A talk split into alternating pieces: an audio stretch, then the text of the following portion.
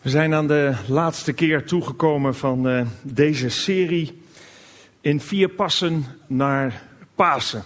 En uh, nu dus bij het Pasen aangekomen. En dit deel 4, dat heet Jezus en jij. En dat heeft de ondertitel De leeuw wordt de koning te rijk. Ja, we zongen net het lied Let Jesus Speak to You. En dat is en dat willen we graag omdat Jezus jou vanmiddag zo ontzettend veel te vertellen heeft, te geven heeft. Dingen waar we eigenlijk als mensen zo intens naar verlangen. Onvoorwaardelijke liefde, rust, vrede in ons hart. Dat is hetgene wat, wat Jezus ons wil geven en wat je vanmiddag ook van Hem mag ervaren. Ja, we willen allemaal graag gelukkig zijn. En daar zijn we eigenlijk deze serie mee begonnen, met dat te constateren. Dat, dat we eigenlijk met elkaar constant op zoek zijn naar geluk. En op allerlei verschillende terreinen proberen dat geluk ook te pakken. En dat we het gepakt hebben om het vooral ook vast te houden.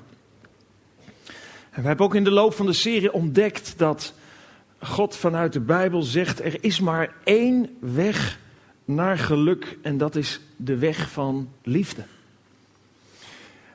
En daar gaat eigenlijk over liefde gaat de hele Bijbel vanaf het begin tot het eind. En vanaf heel het begin, toen het eigenlijk fout ging tussen God en de mens. En vanaf dat moment geeft God aan door alle verhalen, alles wat er in de Bijbel staat, dat Hij van jou en mij houdt en er zo naar verlangt om die relatie die kapot is gegaan, om die te herstellen en om een relatie met ons persoonlijk te hebben, waarin Hij zijn liefde aan ons kan geven.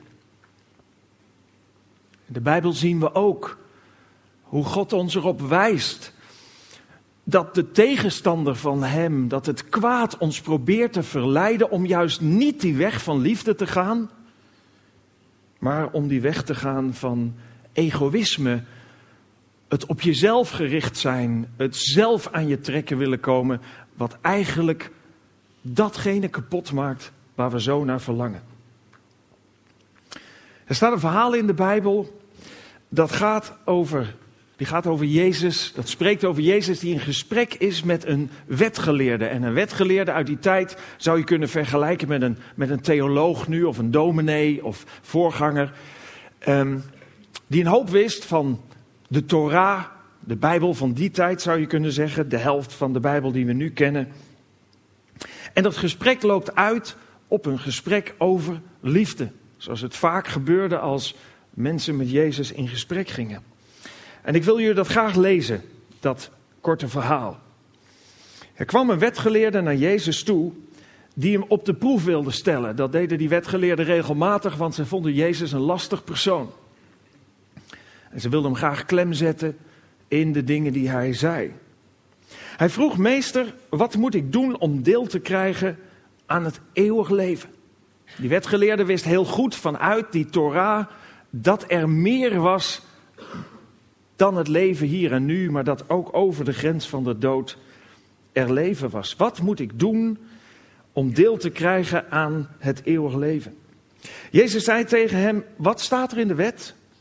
Wat leest u daar?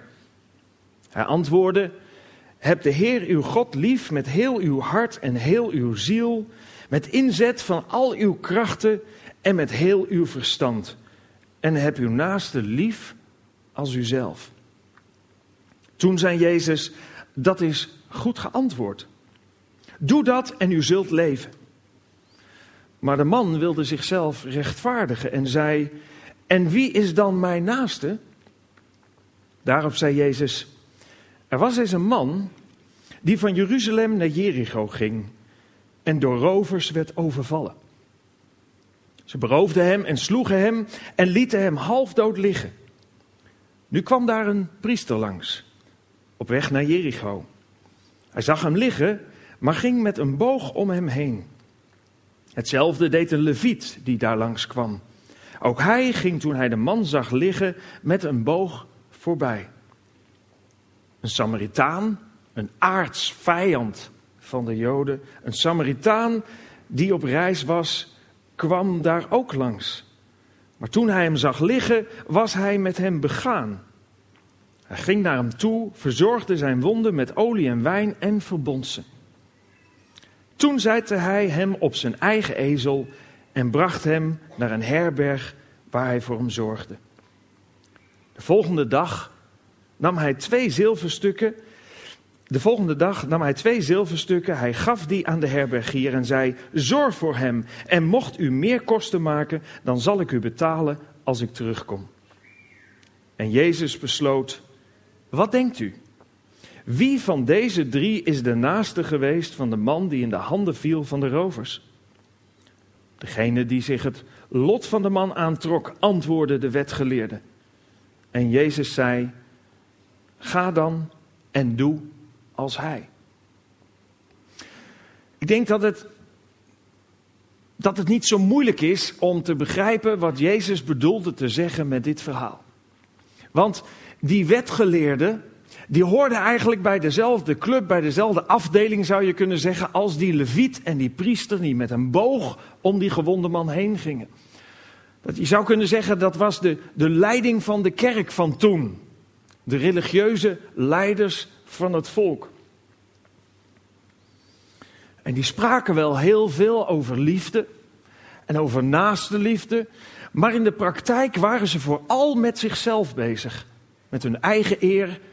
En wilden ze niet te veel met het voetvolk te maken hebben waar ze zich ver boven voelden staan.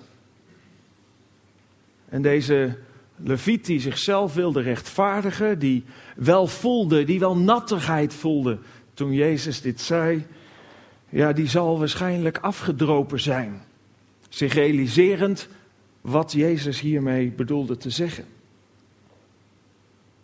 En Jezus liet in dit verhaal zien dat liefde geen liefde is wanneer je het alleen toepast in de richting van mensen die ook vriendelijk en liefdevol naar jou zijn, maar dat liefde eigenlijk onvoorwaardelijk is. Niet om er zelf beter van te worden, maar met het doel dat de ander er beter van wordt. En dat is misschien wel het aller, allermoeilijkste wat je in de Bijbel tegenkomt. Die gevende houding in liefde. Gericht zijn op het geluk van de ander. En dat kan soms ver gaan. We lezen in de Bijbel in Romeinen een uh, brief die een van de volgelingen van Jezus later schreef. Daar staat: Als uw vijand honger heeft, geef hem te eten. En als hij dorst heeft, geef hem te drinken. Want dan weet hij met zijn houding geen raad. En zal hij misschien een andere houding aannemen. Geef het kwaad geen kans, maar overwin het door het goede te doen. Oftewel, met al het kwade wat er in de wereld kan gebeuren, de, de, de verkeerde manier waarop we met elkaar kunnen omgaan, dat gaat alleen maar erger en wordt alleen maar erger als we precies hetzelfde doen. als je wordt opgehouden op de snelweg, ja, dan kun je verschillende dingen doen. Dan kun je gaan bumper kleven en noem maar op. En eigenlijk precies hetzelfde doen, ook fouten gaan maken of afsnijden als je er voorbij bent. Of wat dan ook voor dingen rondom, wat voor situatie dan ook. Het is altijd de vraag, hoe reageer je naar mensen toe, ook als ze niet vriendelijk tegen je zijn. En wat de Bijbel leert en wat misschien wel de moeilijkste les is, is alleen liefde kan kwaad doorbreken. Alleen liefde kan die negatieve spiraal doorbreken. En dat is eigenlijk de kern van Pasen. Dat is eigenlijk waar Pasen over gaat. Afgelopen week, toen ik me aan het voorbereiden was, wist ik nog niet zo goed waar ik over zou willen spreken in deze paasdienst. Er zijn een hoop dingen in, ja, rondom het Pasen die misschien al wel bekend zijn. Een hoop dingen die we ook laten zien in de filmfragmenten.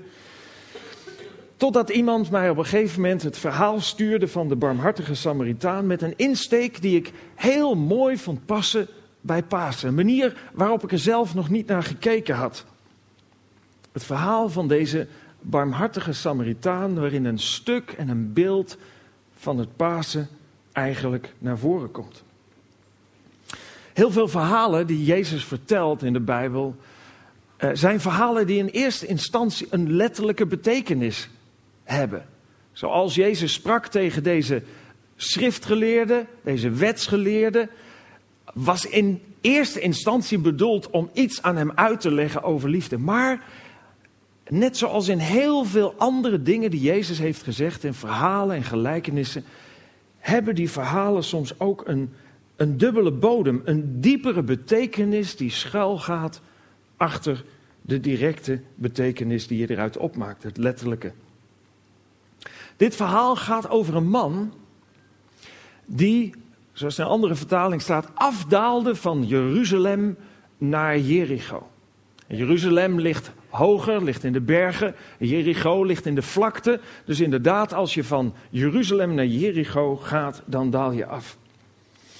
Jeruzalem is de stad in de Bijbel waar God centraal staat. Waar de tempel van God was. Waar God woonde onder het volk. Waar het volk naartoe kwam in het, in, eh, eh, lang geleden in het Oude Testament om de offers te brengen. Waar de heiligheid van God werd gezocht.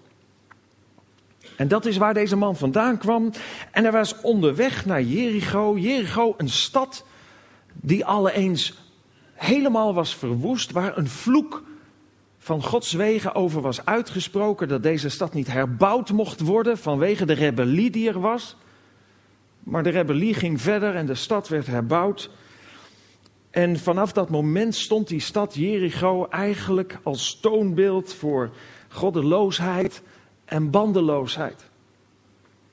Voor iets waar, een plek waar God niet is. En er kwam een spel tegen op, op, eh, op uh, computer, Jericho heet dat. Een computerspel, ik ken het niet.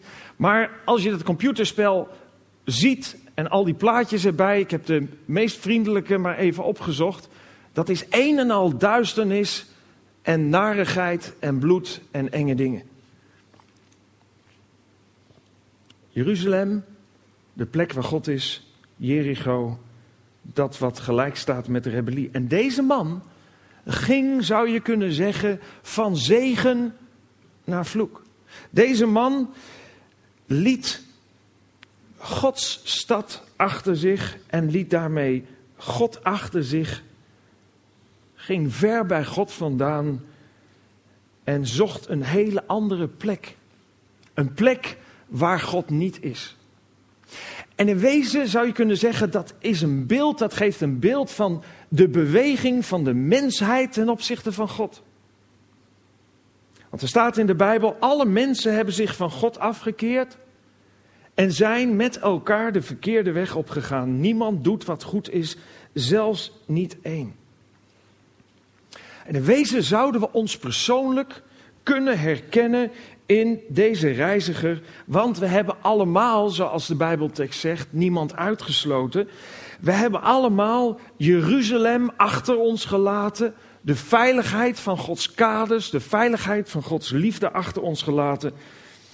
En we hebben ons laten verleiden door het kwaad, met listige leugens, met verdraaiingen van de waarheid, om te gaan naar de plek die niet van God is. Om God de rug toe te keren en die richting op te gaan waar rebellie en waar opstand is tegen God. En wat is het gevolg? Het gevolg is, en dat hebben we ook in diensten hiervoor gezien, met name waar we hebben nagedacht over het kwaad en de manier waarop het kwaad de mens verleidt. We komen bedrogen uit. We zijn eigenlijk allemaal gevallen in de handen van het kwaad. In dit verhaal valt een man in de handen van rovers, die hem van alles beroven, die hem in elkaar slaan en die hem ten dode opgeschreven achterlaten. En als we kijken naar het leven van de mensheid, als we kijken naar ons persoonlijke leven, dan zie je dat wanneer we God achter ons laten, buiten de kaders van Gods beschermende liefde gaan, dat we in elkaar worden geslagen door het leven. Iedereen krijgt daarmee te maken. Iedereen krijgt te maken met pijn, met verdriet, met teleurstelling, met ruzie, met afwijzing, met vernedering, met misschien wel echtscheiding en ontslag en pijn van dingen die je in het verleden zijn aangedaan, ziekte en dood. We gaan allemaal gebutst door het leven, in elkaar geslagen. En we zijn ook allemaal beroofd, beroofd van onze hoop, beroofd van het kennen van de zin van het leven, beroofd van geluk, van vreugde, van onschuld. En we zijn voor dood achtergelaten. Hunkerend naar een teken van liefde. Zoekend naar hoe we ons kunnen optrekken uit een leven wat zo onbevredigend kan zijn op momenten. En iedere keer gaan we van plek naar plek en van een moment naar moment om maar weer dat te kunnen grijpen. En soms denken we even dat we dat geluk hebben en dan glipt het ons weer tussen onze vingers vandaan.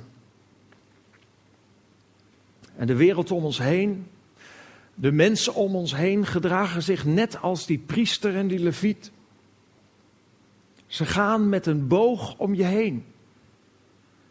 Net zoals wij zelf met een boog om anderen heen gaan. Waarom? We zijn zo ontzettend druk met onszelf dat wij geen tijd, geen gelegenheid en ook geen zin hebben misschien om ons bezig te houden met de pijn van een ander. De wereld heeft de mond vol over solidariteit en over mensenrechten en over omzien naar elkaar. Maar in de praktijk, als het puntje bij het paaltje komt, dan viert egoïsme hoogtij.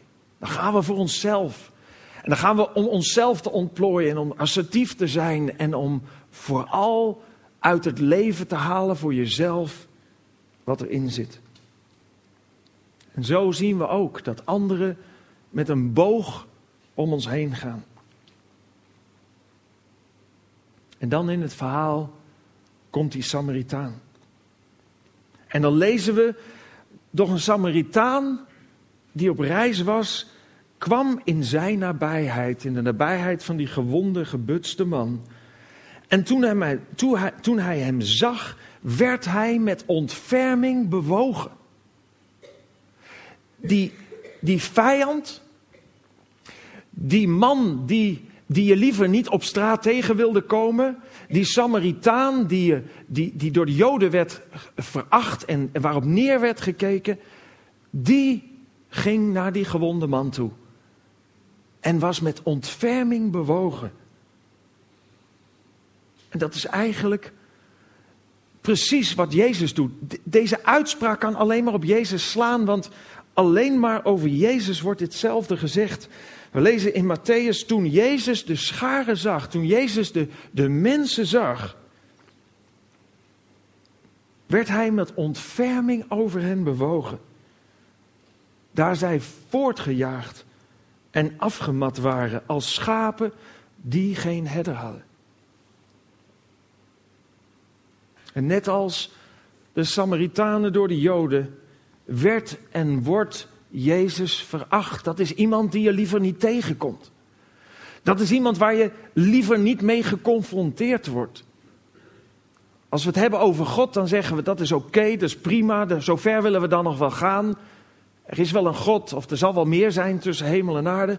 Maar als het gaat om Jezus Christus, die de enige weg naar God toe is, dan wordt het minder leuk. Daar willen we eigenlijk niet van horen, niet mee te maken hebben. Hij, staat er in de Bijbel, Jezus, werd veracht door mensen gemeden. Veracht door ons verguist en geminacht. We hebben het alleen over Jezus als we onszelf op de duim, duim slaan. Maar verder hoeven we het er niet zoveel van te hebben. En wat deed deze Samaritaan? Deze Samaritaan knielde naast deze man om hem te verzorgen, om hem liefde te geven. En dat is eigenlijk precies wat we van Jezus lezen. Hij, maar hij was het die onze ziekte droeg. Die ons lijden op zich nam. En niet, Jezus deed dat niet voor mensen die heel erg vriendelijk voor hem waren. Nee, we lezen, Christus is voor ons gestorven terwijl wij nog een zondig leven leiden. Zo laat God ons duidelijk zien hoeveel Hij van ons houdt. Jezus stierf niet aan het kruis voor aardige, vriendelijke mensen. Nee, de meeste mensen die er stonden, stonden alleen maar te jouwen, kruisig hem. En waren tegen hem en wilden niks met hem te maken hebben. Jezus stierf voor die mensen ook. En ook voor jou en mij, ongeacht hoe ons leven eruit heeft gezien, ongeacht wat wij in ons leven hebben gedaan. En net als deze gewonde man, zul je merken dat als je Jezus ruimte geeft, als je Jezus een beetje dichterbij wil laten komen, dan zul je merken dat Jezus zonder verwijten naast je wil knielen om je wonden te verbinden. En waarom doet hij dat? Omdat Jezus van je houdt.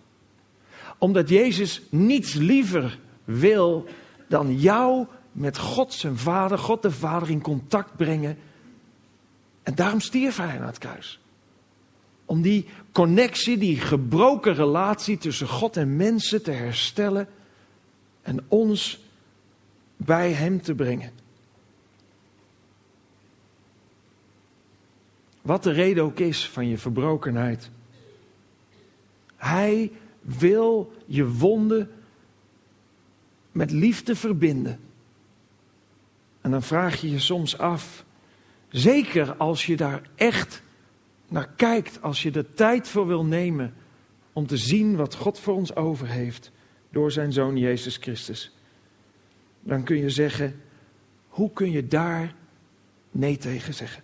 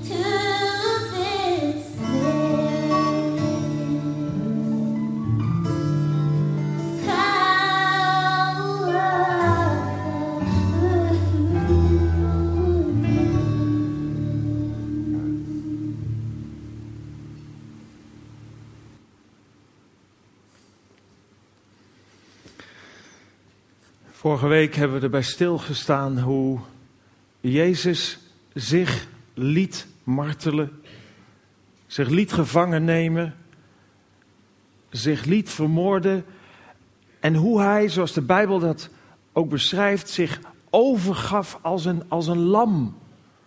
Dat hij zich liet slachten zonder eigenlijk zich te verzetten. Maar Jezus bleef niet in de dood. Jezus stond op als de leeuw van Juda, zoals de Bijbel dat noemt. Hij overwon de dood. En waarom? De Satan, het kwaad, de tegenstander van God, degene die in het dodenrijk de macht heeft, kon hem niet vasthouden. Er was tegen Jezus geen aanklacht. Hij was zelf zonder zonde. Hij was rein een onbevlekt offer. En de dood kon hem niet vasthouden. En als het ware kwam hij daar in, in gevangenschap, zou je kunnen zeggen. Maar er was geen zaak tegen hem. Er was geen bewijs tegen hem. En Jezus eiste de sleutelbos op, zou je kunnen zeggen, van de gevangenis waar hij in terecht was gekomen. We lezen in het laatste Bijbelboek Openbaring. Wees niet bang. Ik ben de eerste en de laatste. Ik ben degene die leeft. Ik was dood, maar ik leef. Nu en tot in eeuwigheid. Ik heb de sleutels van de dood en van het dodenrijk. Ik heb de sleutels van de dood en het dodenrijk.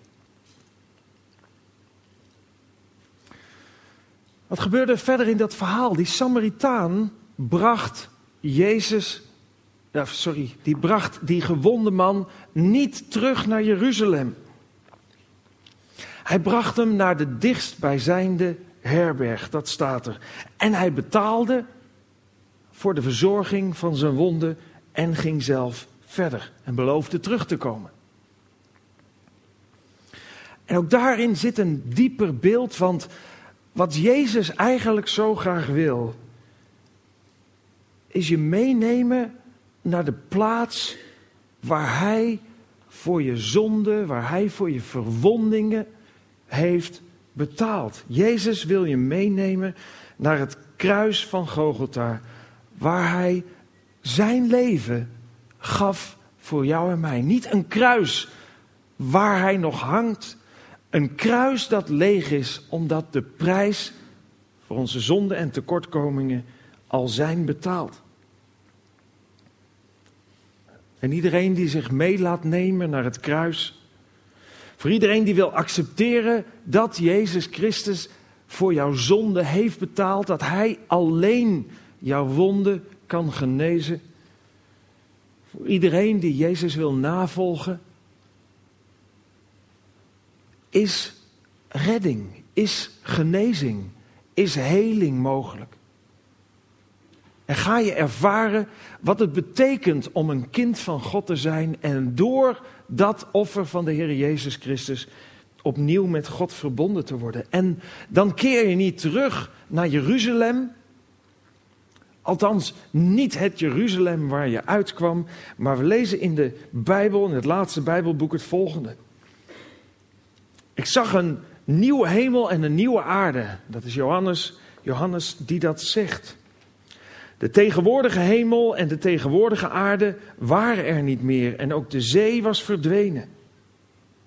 Ik zag de heilige stad, een nieuw Jeruzalem, van God uit de hemel naar beneden komen. Hij zag er feestelijk uit, als een bruid die op haar bruidegom wacht. Ik hoorde een luide stem uit de troon zeggen: Gods huis staat nu bij de mensen. Hij zal bij hen wonen. Zij zullen zijn volk zijn en er zal zelf bij hen zijn. Hij zal alle tranen van hun ogen afwissen en er zal geen dood meer zijn. Van verdriet, rouw en pijn zal er geen sprake meer zijn. Dat hoorde allemaal bij de oude wereld en die is voorgoed voorbij. Hij die op de troon zat, zei: Ik maak alle dingen nieuw, ik maak alles nieuw. En hij zei tegen mij: Schrijf het allemaal op, want wat ik zeg is waar en betrouwbaar. De belofte van God voor ons allemaal is dat wanneer wij ons willen laten meenemen naar die plek van genezing, dat kruis van Gogolta. En natuurlijk niet letterlijk, maar mee willen laten nemen naar die plek waar wij onze zonden en tekortkomingen aan het voet van het kruis mogen, uh, mogen achterlaten. Als we die stap zetten in ons leven, dan mogen we ervaren dat we vrijkomen van die belasting. Dat we opnieuw mogen beginnen, dat we nieuw leven ontvangen. Nieuw leven wat God ons geeft. En ik hoop dat jij ook tegen Jezus wilt zeggen: Leid mij naar het kruis. Leid mij naar die plaats waar ik opnieuw kan beginnen. Waar mijn zonden worden vergeven. Waar ik geloof, hoop en liefde ontvang. Geloof in Jezus als mijn redder en verlosser. Hoop zodat ik hier en nu gelukkig kan zijn. En zodat ik hier en nu, ondanks het feit dat het leven gebroken blijft hier en nu, ondanks het feit dat er, feit dat er pijn en verdriet en teleurstelling is, dat ik mag ervaren wat het betekent om een kind van God te zijn. Hoop op dat wat er in de toekomst komen gaat. En het laatste, geloof, hoop, het laatste, liefde. Om de Heer Jezus lief te hebben en mijn naaste als mijzelf. En zo zelf een Samaritaan te kunnen zijn voor andere mensen om ons heen. Lead me to the cross.